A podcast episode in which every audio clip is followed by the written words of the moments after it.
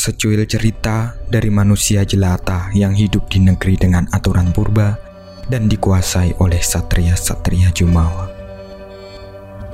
Cerita sederhana tentang negeri yang elok alamnya dan melimpah sumber dayanya. Negeri yang telah dijamin kehidupannya oleh Sang Hyang Pencipta.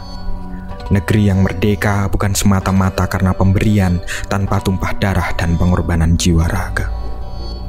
Negeri yang pernah mengaum lantang menggetarkan nyali seluruh dunia. Tetapi semua muspra. Semua muspra ternodai oleh angkuh dan brengseknya sifat para penguasa. Penguasa yang jalan pikirannya terhambat oleh kepentingan golongannya. Penguasa yang memupuskan ranting-ranting masa depan negerinya demi membersihkan nama dan mengagungkan citranya. Penguasa yang menghalalkan segala cara untuk naik ke tahta utama namun linglung dan hanya menuruti perintah golongan ketika telah mencapai tahta. Cerita ini bukan tentang kebencian terhadap kubu ini, kubu itu, ataupun kubu mana. Ini tentang kami ranting-ranting kering penerus negeri yang masih ingin melihat seluruh rakyat hidup selayaknya.